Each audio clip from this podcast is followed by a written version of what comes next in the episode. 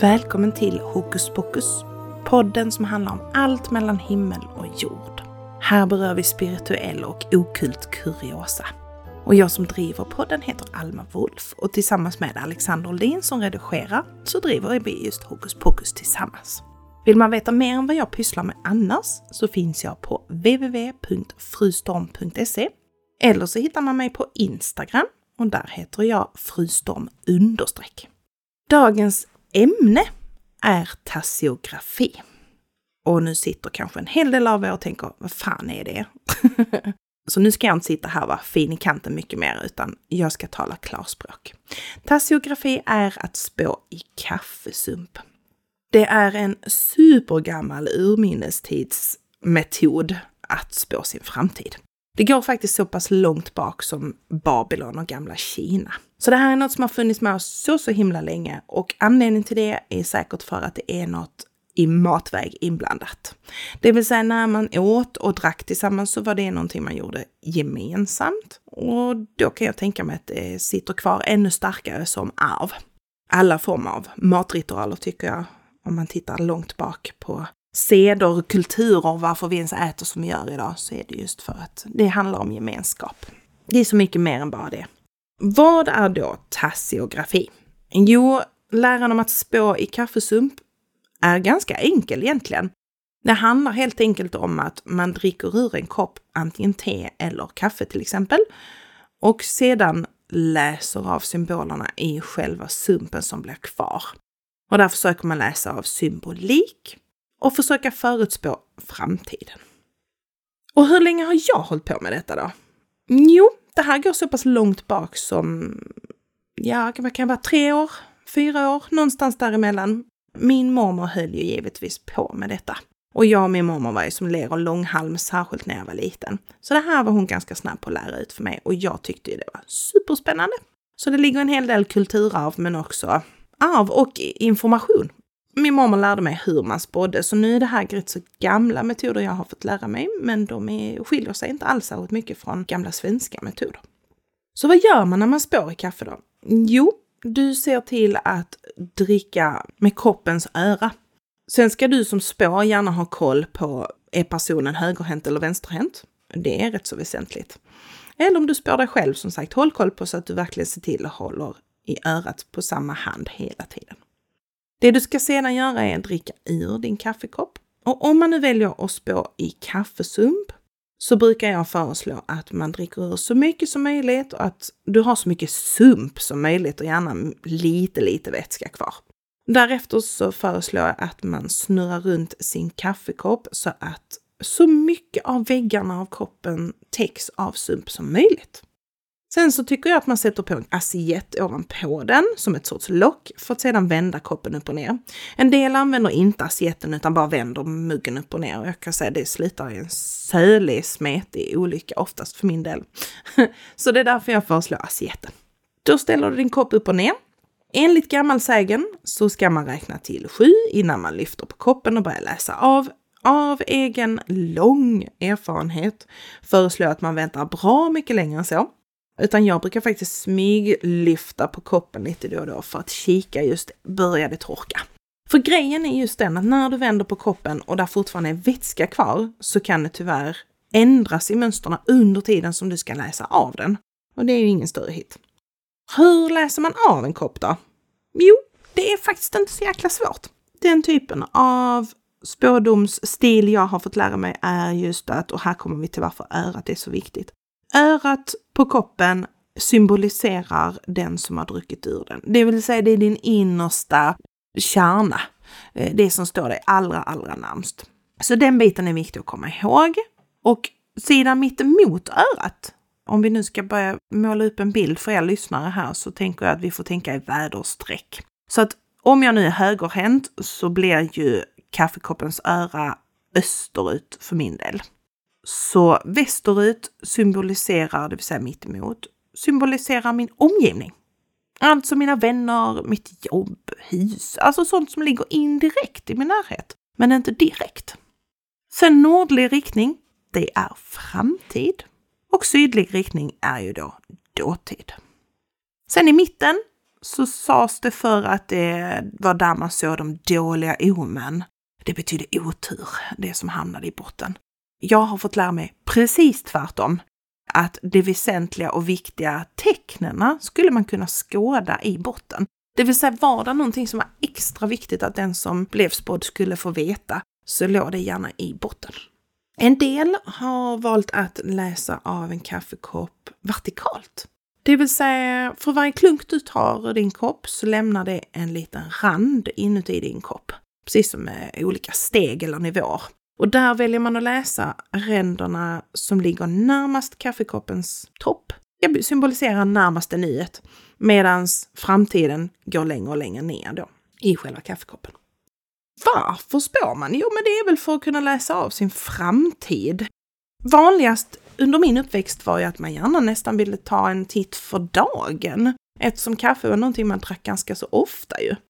Så det här var ju någonting man gärna gjorde inför dagen och kolla, vad har jag framför mig? Vad är det jag ska vara beredd på? Har vi några tips och råd? Har vi några grejer jag ska akta mig för? Och så vidare. Vad kan man spå idag? Alltså, enligt sägnen så ska det ju helst vara kaffesump eller teblad. Jag kan tycka att vi behöver modernisera oss en hel del och jag anser att man kan spå i nästan vad som helst. Så fräck är jag. Allt från en kopp varm O'boy till eh, det fräckaste jag har spått i det är faktiskt ölskum i ett ölglas som har blivit över. Allt som lämnar spår helt enkelt, som är tydligt nog för dig att kunna se. Glas är ju lite svårare för då behöver du se till att ha en mörkare bakgrund till själva glaset.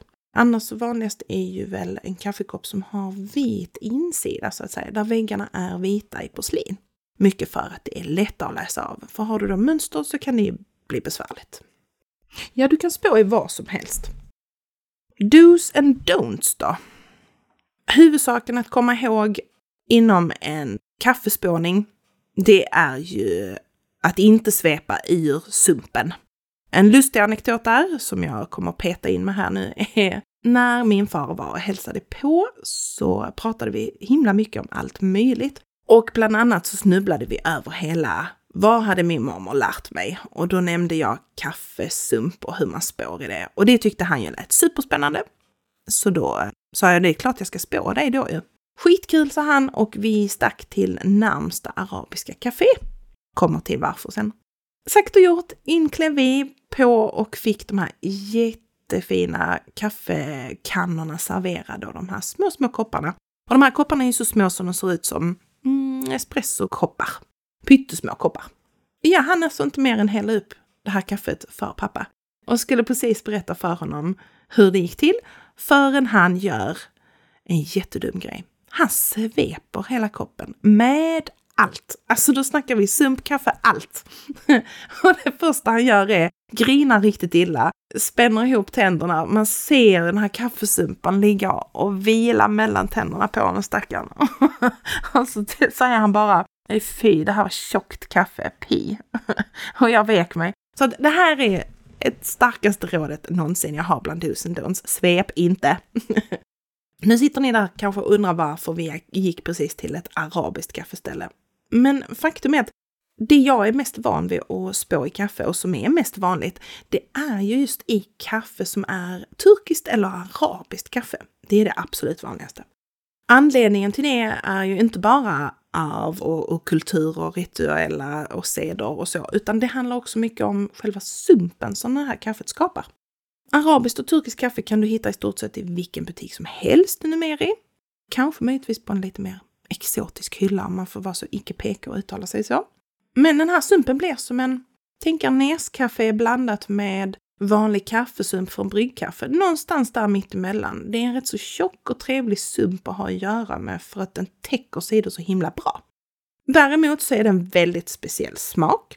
Turkiskt och arabiskt kaffe är ju väldigt specifik i smaken och udda för den som kanske bara är van vid vår heliga Skånerost. Men jag kan varmt rekommendera att prova.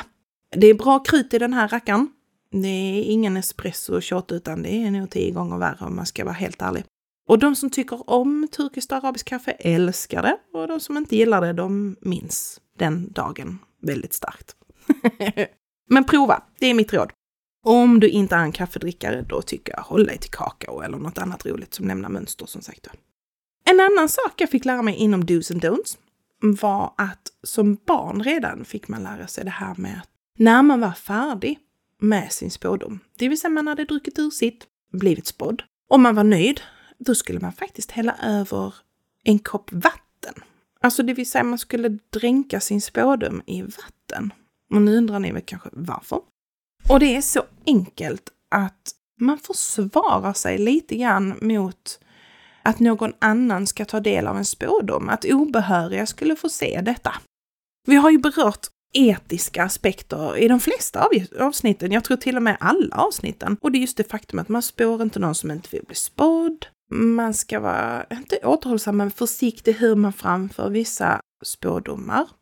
Men här tillkommer ju också det här man använder i sunt förnuft. Och för att vara den som blir spådd så är detta första gången jag faktiskt snubblar över det faktum att man kan värja sig lite mot det här. Det vill säga om jag förstör min spådom så kan ju faktiskt ingen annan ta del av den. Ingen annan kan in och kika min kopp efter jag har gått och titta på det. Så det fick jag lära mig som barn att när man var klar så häller man på vatten eller man sköljde ur sin kopp. En annan grej jag också fick lära mig, det här är intressant för att jag ser det i andra kulturer också. Det är ju det faktum att när man är klar så ska man också kunna få trycka ner sitt finger i den här gojsiga sumpen som ligger kvar i botten och önska sig någonting. Det här är någonting jag faktiskt snubblat över till hos andra kulturer och andra bakgrunder. Det är alltid spännande att se vad man själv har fått lära sig som barn och sen återse det hos någon som har en helt annan kulturell bakgrund, helt annan generation. Det är jättekul. Så det här var ju också en sån gammal grej man fick lära sig att när du är klar så sticker du ner ditt pekfinger ner i sumpen på botten och önskar dig en sak. Ett annat sätt att spå på som jag snubblade över var att i, längre bak i tiden, särskilt i Skandinavien och Sverige, där spådde man i kaffe fast på fat. Så man tog alltså en, en panna som innehöll gammal sump och lät sumpen torka ur först och därefter så hällde man då alltså på vatten på den här sumpen och lät pannan stå på elden. Det vill säga värmde upp den igen och löste upp sumpen så gott det gick. Och när den hade löst upp sig så skulle man sedan hälla ut det på en vit porslinstallrik. Och där skulle man hälla upp ungefär hälften så mycket som själva tallriken kunde mäkta med. Och därefter skulle man då alltså skaka runt och, och liksom se till att täcka så mycket av tallriken som möjligt med sump. När man var nöjd skulle man då låta den stå eh, och gärna hälla av överbliven vätska så gott det gick utan att förstöra själva sumpmönsterna. Och detta gjorde man gärna inför nyår. Mm, man ville se vad året skulle bringa. Jag tror också att längre bak i tiden spådde man mycket eftersom man ville veta hur skörden skulle gå, vad man hade för liksom hinder och, och motgångar. Så det var nog mer åt det hållet jämfört med hur vi spår idag. Men det är ett helt annat avsnitt. Vad är det man håller utkik efter när man spår då? Um, för det blir ju en massa mönster. Faktum är att man ska tänka så sjukt lite som möjligt. det vill säga man ska vara väldigt neutral och det är också någonting vi berör ganska ofta i de flesta rätta spådomsmetoderna, att man just ska hålla sig neutral. Jag tror att man gör det mycket för att en del situationer kräver ju att man släpper in um, andra sidan, som man kallar det för, eller påverkan av uh, andra andar eller uh, andra energier. Ja, det ämnet är stort och brett. Men neutraliteten är också viktig i det här fallet för att inte påverka det man ser våra andra slutsatser som kanske påverkas av andra eller eh, invanda beteenden ska inte heller påverka den här spådomen. Man ska vara så neutral som möjligt. Tänk dig en tonårings hjärndöda min framför ett tv-spel. Mm, ungefär där. Ehm, när du kikar ner i en kaffekopp så kommer du till att instinktivt se lite olika mönster. Och ibland så liknar ju mönsterna någonting. Typ som när man var barn och låg och tittade på moln. Ibland kunde man helt plötsligt se att ja, den där såg ut som en häst eller det var en val eller ett konstigt träd. Vad som helst. Och det är ju det man går efter egentligen när man spår i kaffesump. Dels efter de här tidslinjerna som jag då har berättat om. Det vill säga, vad ligger i framtiden? Vad ligger närmast oss? Vad ligger i vår närmaste omgivning? Eller vad har varit? Och vad har varit också spännande för att det är nästan som ett kvitto på att kolla Känns det här trovärdigt? Eh, stämmer det andra in på? För stämmer dåtiden in på den som spår, ja då är ju större sannolikhet att de lyckas spå fram ens framtid. Så alla symboler vi snubblar över då. Det skulle kunna bli ett helt eget avsnitt, symboler för sig. Men jag ska beröra några grundsymboler som jag har fått lära mig. Den första symbolen jag fick lära mig var katt. Och såg man någonting som liknade en katt bland de här mönstren så påminner det väldigt mycket om eh, falskhet. Katt skulle symbolisera allt från en lögn eller orättvisa. Och desto mindre eller större katten var, eller tydlig för den delen, eller otydlig, desto större eller mer obetydlig skulle själva lögnen vara som man stötte på. Så beroende på var man såg den här kattsymbolen i sin tidslinje också i sin kropp kunde man då också avgöra om det var en själv som skulle bli utsatt för någon form av orättvisa eller lögn eller någon i ens omgivning och så vidare. Så katt stod för lögner. Hund snubblar man också över och det skulle då symbolisera goda vänner, lojalitet, ärlighet och ett positivt tecken menade man på. Hästar skulle symbolisera ens framtida partner. Eller nuvarande, men hästar var alltså eh, en partnerskapssymbol. Bokstäver kunde man ju faktiskt snubbla över ibland. Eh, och ibland var de jätteotydliga till den grad att man bara, jag ser inte det, men vad kul att du gör det. Och ibland var de super, super tydliga. Och bokstäver kunde ju antingen vara en eh, hint om eh, initialer på den som skulle dyka upp i olika sammanhang, beroende på om det nu var kopplat med kärlek eller jobb eller vad som. Det kunde också handla om typ, fick man upp en bokstav kunde det faktiskt vara kopplat till första bokstaven på det jobbet man skulle jobba med. Symboliken är väldigt bred. Och väldigt mycket handlar om hur man väljer att tolka. Och som jag tidigare nämnt, det första instinktiva som kommer till en. Tänk inte för mycket, det var den första tanken. Hur knasig som helst, bara ut med den. Sen kan man tolka. En ring i botten på en kropp innebar giftermål.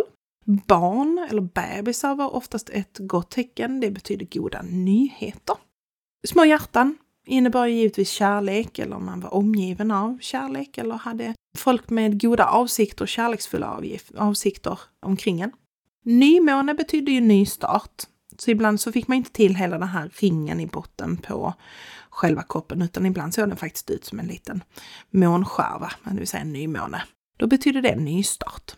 Ibland kunde man ju se ansikten och jag minns ju en väldigt specifik situation som jag än idag kan se framför mig. Jag kan verkligen se minnesbilden av själva kroppen och dess mönster i sig. Och det var faktiskt min mormor som spådde mig till det, men hon pekade gärna ut vad hon såg för att fortsätta lära mig. Och ett tips där också om du ska visa den du spår vad du ser är att använda dig av en tandpetare, för det kan man rätt så lätt peka ut små, små detaljer. Och det intressanta med det också är att det du pekar ut och du ser kanske den ett par andra nya ögon ser något helt annat, så det kan bli väldigt spännande. Mm, då hade min mormor fått syn på ett litet barnansikte med lockar som hon ville ha till en, en tös. Eh, och när hon pekade ut den så, så var den faktiskt ganska tydlig för mig och hon fick upp en bokstav i samband med detta och även en ring. Och lustigt nog, inom ett år efter det här så stötte jag faktiskt på vad som skulle bli pappan till mitt barn. Och det stämde ganska bra. Både bilden på barnet och bokstaven och ringen. Så att den har verkligen satt sig, den minnesbilden. Jag minns också att jag har suttit i ett sådant turkiskt café med just min mormor och spådde och det kom verkligen fram en, nu är det här inte PK, kära lyssnare, jag ber om ursäkt, men eh, det kommer fram en kvinna som är väldigt så här forn eh, utklädd. Vi snackar höftskynke med de här små häftiga mynten hängandes på. Hon hade turban, hon hade sjal, alltså stora vackra guldringar. Det var så häftigt, det var som taget ur en Esmeralda-bok. Skithäftigt! Och hon kommer ju då fram till mormor och är så begeistrad och överförtjust för att hon ser att mormor spår old school. Det hela slutar med att den här kvinnan bönar och ber min mormor spå henne och min mormor fetvägrar. Alltså verkligen, hon blir så förskräckt och hon menar hela tiden på att men det här är bara på ploj. Det slutar med att den här kvinnan vill betala henne en jättesumma för att bli spådd. Jag kan säga som så att hon blev spådd och det som är enligt kutym är ju en guldtia. Så det är inte bara inom Sverige man gör det utan gärna ett guldmynt som man ska betala. Och det var en rätt så rolig upplevelse att bara kika på detta. Det var som taget ur en bok. Men nog med anekdoter nu. Jag tycker att vill man prova på en kaffespåning, alltså en kaffespådom, tuta och kör. Finns inte jättemånga gränser man ska tänka på och så vidare, utan se det nästan som ploj till en början. Men kolla också gärna om du vill ha det här lilla kvittot. Vad ser du i det förflutna? Det rekommenderar jag.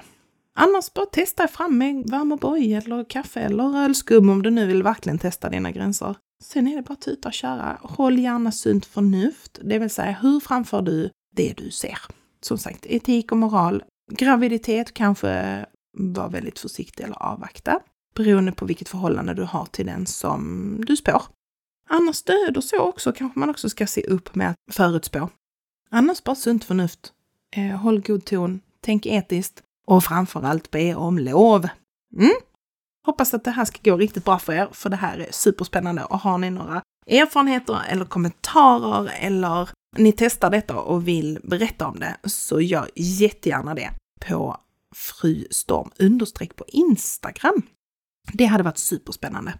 Och vill man som sagt veta mer om vad jag pysslar med annars så finns jag på www.frustorm.se. Och ni har alltså lyssnat på Hokus Pokus. Det var allt för idag. Och jag hoppas ni håller till godo till nästa avsnitt. Vi har massor som väntar på lager. Tills dess får ni ha det gott. Vi syns och hörs.